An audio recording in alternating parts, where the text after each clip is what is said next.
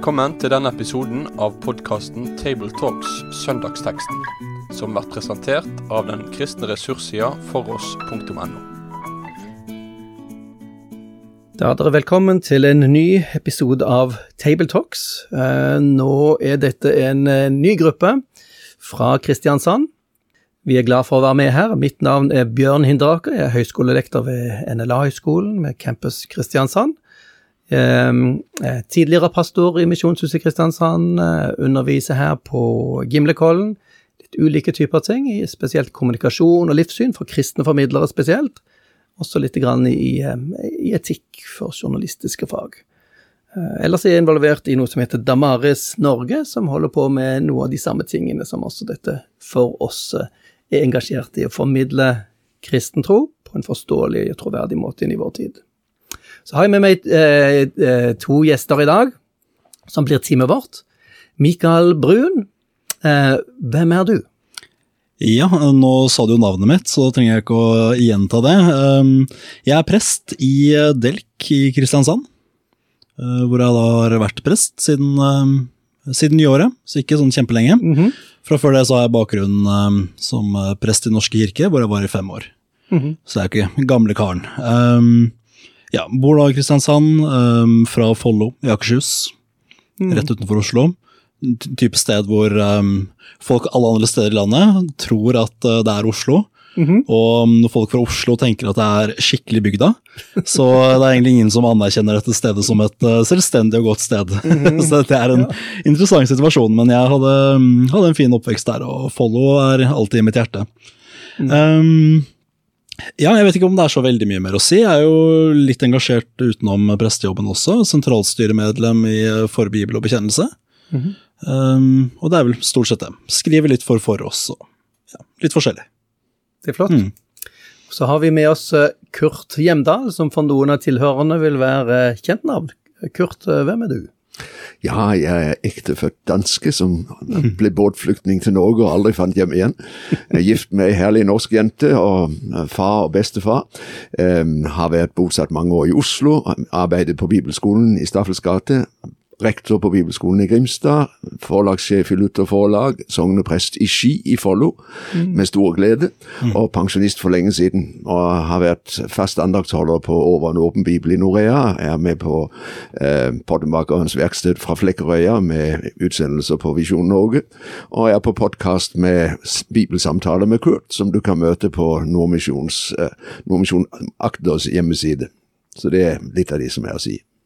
Kjempeflott. Det er flott å ha dere med, så skal det bli kjekt å bli enda bedre kjent med dere nå etter hvert.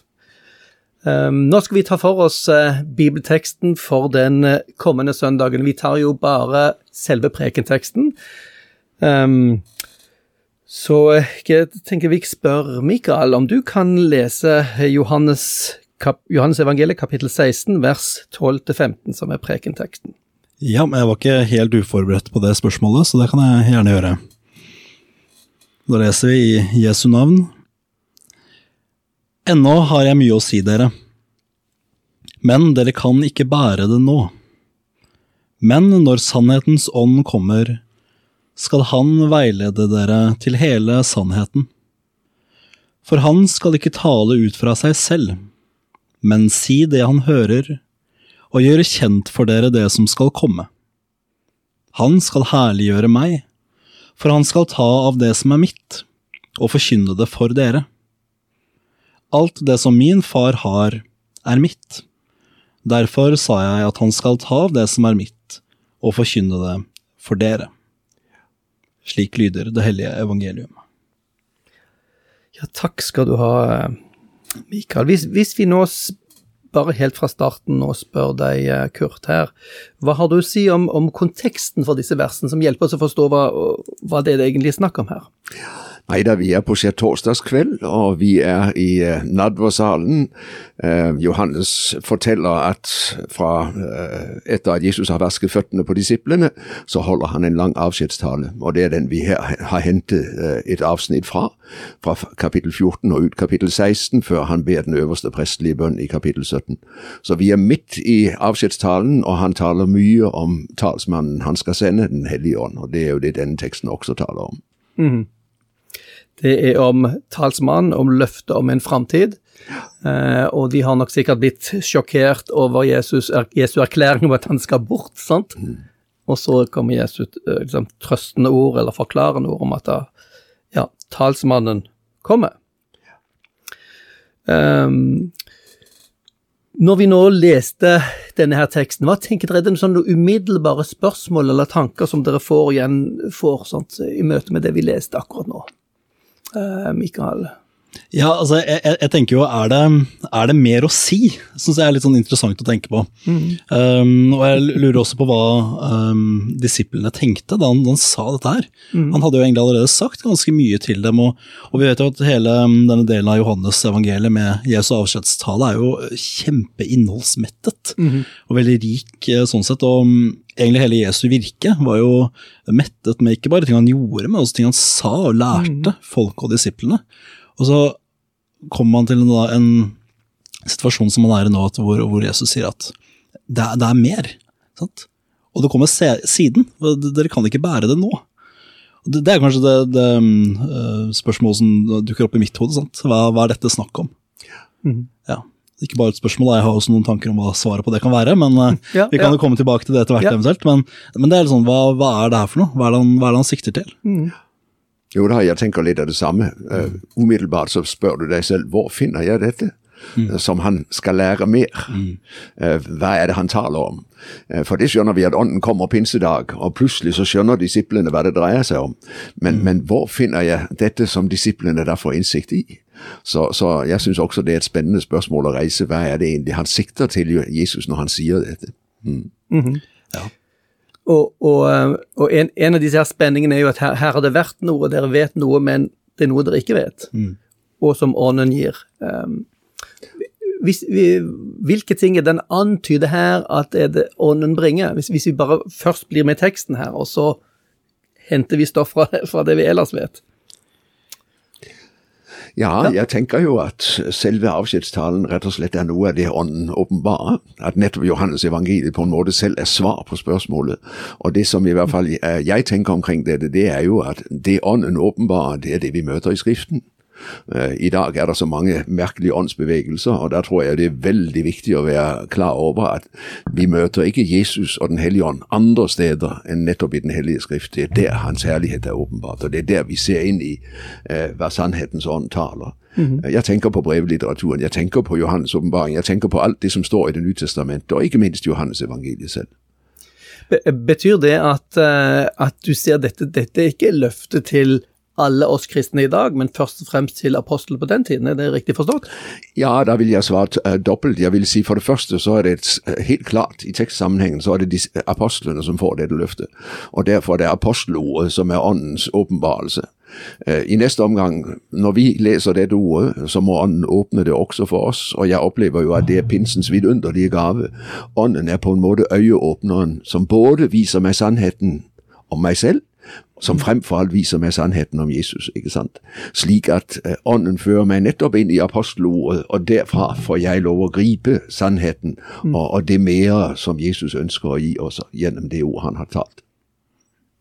Ja, men Med fare for å um, gjenta, gjenta Kurt, så er det jo viktig å understreke det du sa, tror jeg. At dette her er ikke noe løfte om å på en måte stadig få åpenbart ny lære fra, fra, fra himmelen sant? I, I, løpet av 2000 år, eller, eller hvor lenge dette her måtte vare.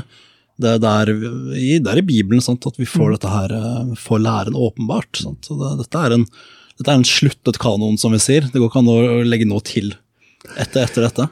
Nei, og jeg tenker jo også på det at nettopp fordi dette først er et løfte til apostlene Vi har lett for å lese det som et direkte løfte til oss, mm. men da er det jo nettopp viktig å være klar over sammenhengen. For Jesus taler altså ikke til hvem som helst. Det er de elleve som sitter der, som får dette løftet. ikke sant? Mm. Og gjennom deres ord er det vi som mottar det som Ånden taler. Eh, jeg syns det er så spennende. I Efeserbrevet 5,18 sier Paulus 'bli fylt av Ånden'. Og i parallellbrevet, Kolosserbrevet, kapittel 3,16, som er parallellstedet, så sier han 'la Kristi ord bo rikelig hos dere'.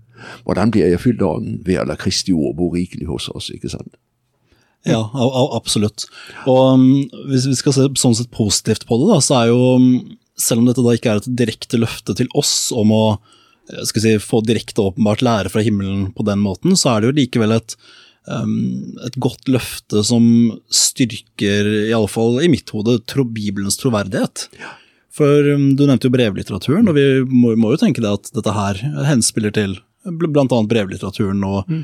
den skal si, utlegningen av Frelsesverkets betydning da, som ja, Paulus og Peter og Johannes og, og andre brevforfattere eh, fikk.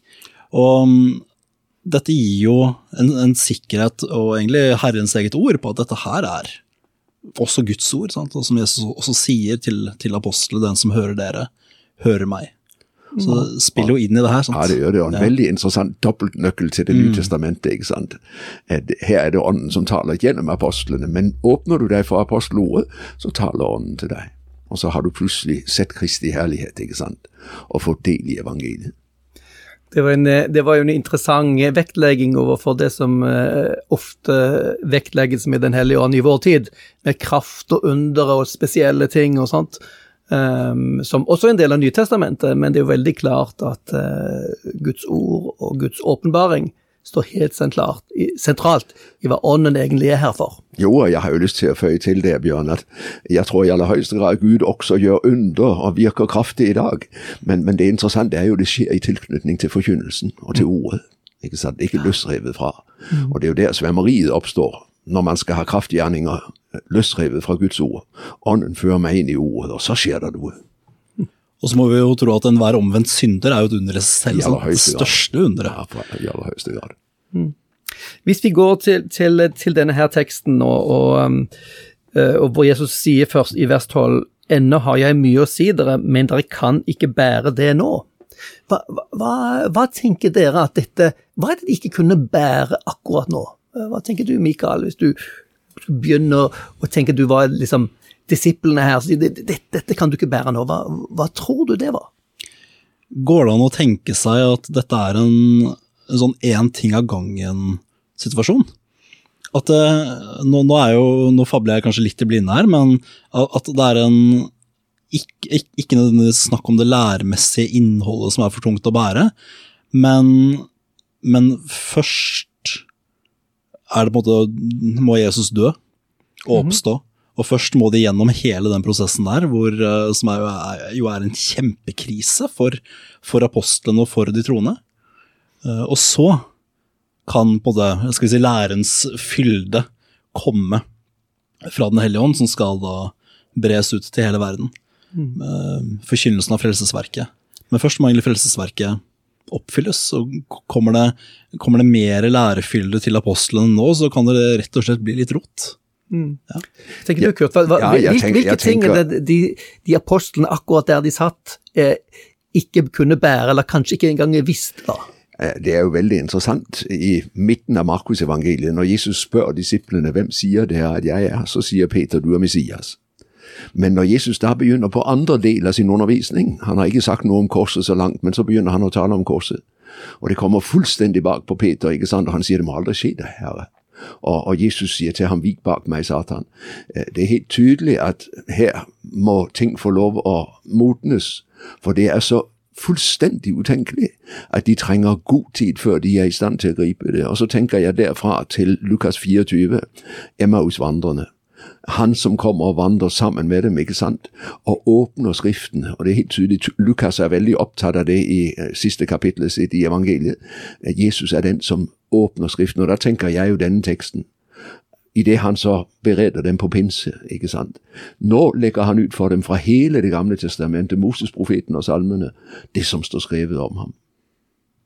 Så en av de, en av de sentrale tingene Jesus hadde varslet de om, sant, om at han skulle dø, det, det, hadde de kanskje ikke helt De hadde hørt det, men kanskje ikke grepet det ordentlig. Og, og, um, det er jo det som er sentrum i det vi kaller evangeliet, de gode budskapet. Uh, og det er jo en uh, tøff ting for de å få, få, egentlig få servert. Sant? Og hvordan hang dette sammen med deres forestillinger? Jo, det er jo interessant hva de to Emmaus-vandrerne sier. For når han åpner Skriftene, så sier de 'brant ikke hjertene våre i oss' mens han utla Skriften. Mm -hmm. Plutselig får de altså et helt nytt perspektiv. Som de ikke var i stand til å bære før, som du sier, Mikael, død og oppstandelse var mhm. virkelig gjort. ikke sant? Men da ja, igjen tilbake til dette med, med hva ånden gjør. Da? Det er jo nettopp dette her ånden må åpenbare oss. Sant? At, Jesus var noe um, mer enn en morallærer, en rabbi. Sant? Han var og han var heller ikke sant, en, en Messias som mange forestilte seg det. Sant? En type frigjøringshelt eller, eller andre ting. Han var virkelig Guds sønn, sant? eh, som skulle frelse oss. Og det, det er jo absolutt noe som trenger troens, eh, troens åpenbaring. Ja, og hvis vi husker tilbake til starten av apostlenes gjerninger, så snakker de jo fortsatt om Israels gjenopprettelse. Sant? Og, Nettopp. og da henviser jo Peter til, til pinsedag igjen, som, som er noe som kommer. Sant?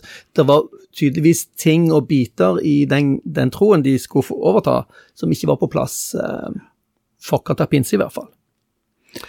Hvis vi, hvis vi nå skal se litt grann på hvilke ting Hva er det, hva er det sannhetens Eller hva det ånden gir oss? sant? Um, så snakker han om å veilede dere til hele sannheten. Hva, hva tror du ligger i det? Jeg begynner med deg, Mikael. Ja, og hele sannheten, det, det, er et, eh, det er litt av et ord.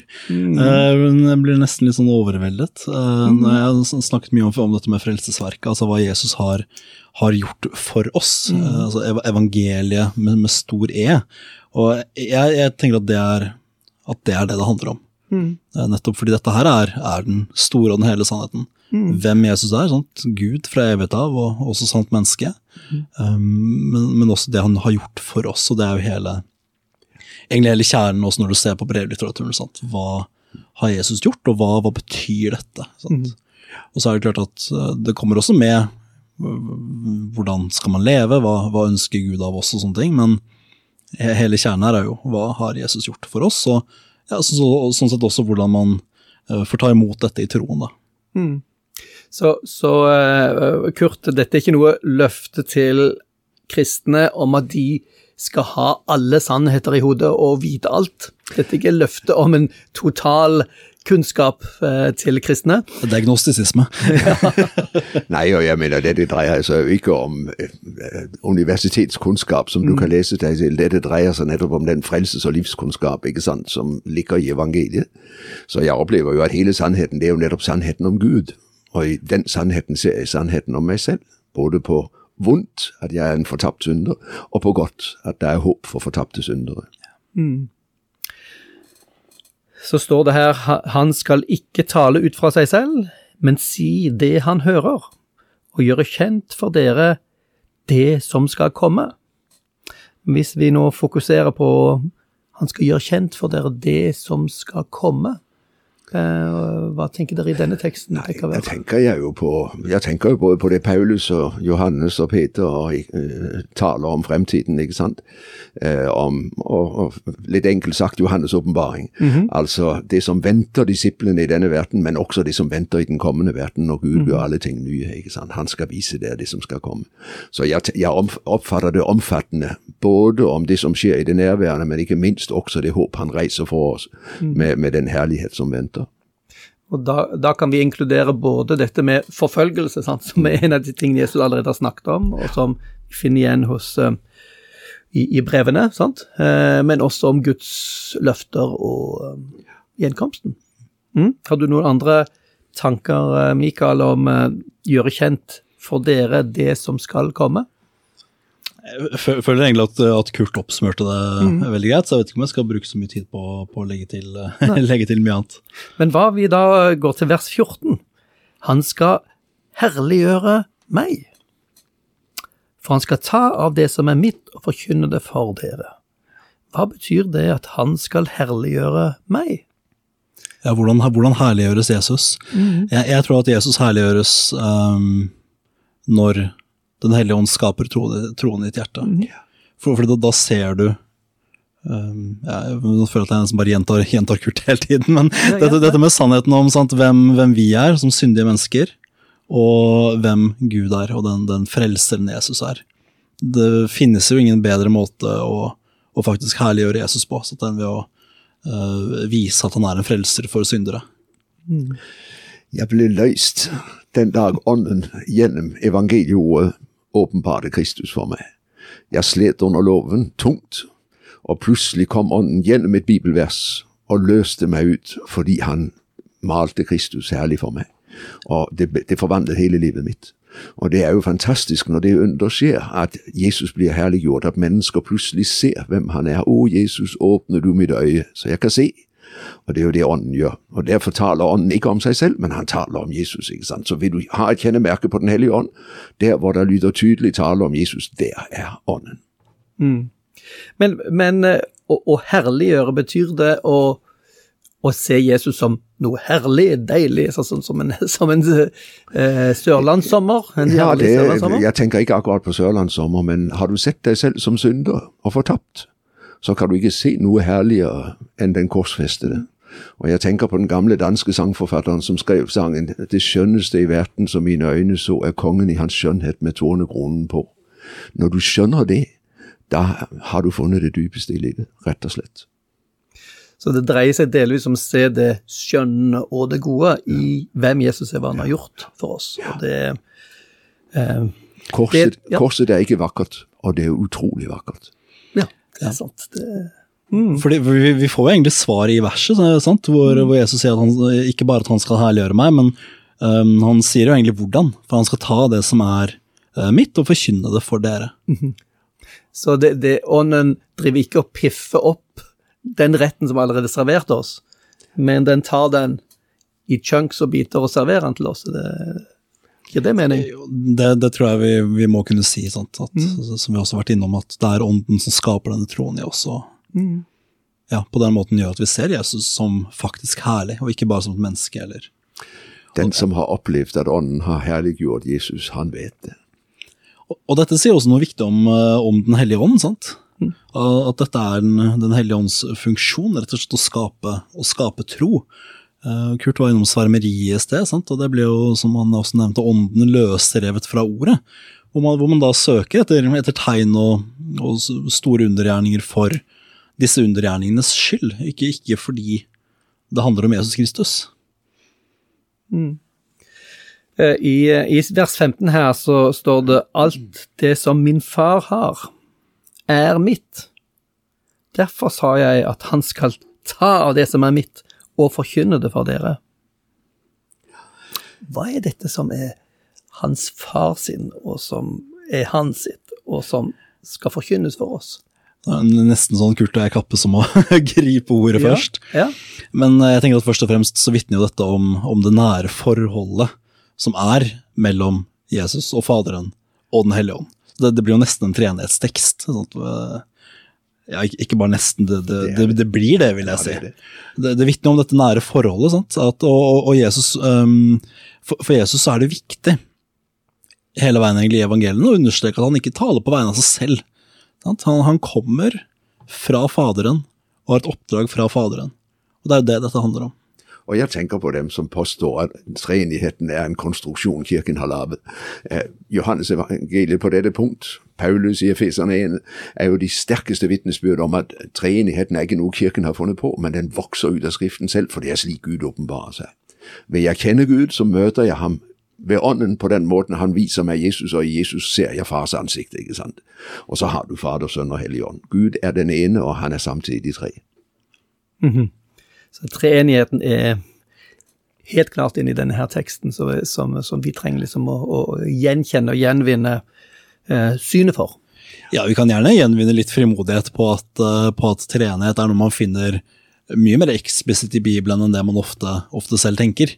Så, så hvis, man, hvis, man, vil forskuttere treenighetssøndag, så, så kan man jo hoppe innom dette i den teksten. Men, uh, er det ikke hver søndag treenighetssøndag? jo, hver søndag, hver, hver søndag er påske, hver, hver, søndag er, alt, men da kan det fort bli lange gudstjenester.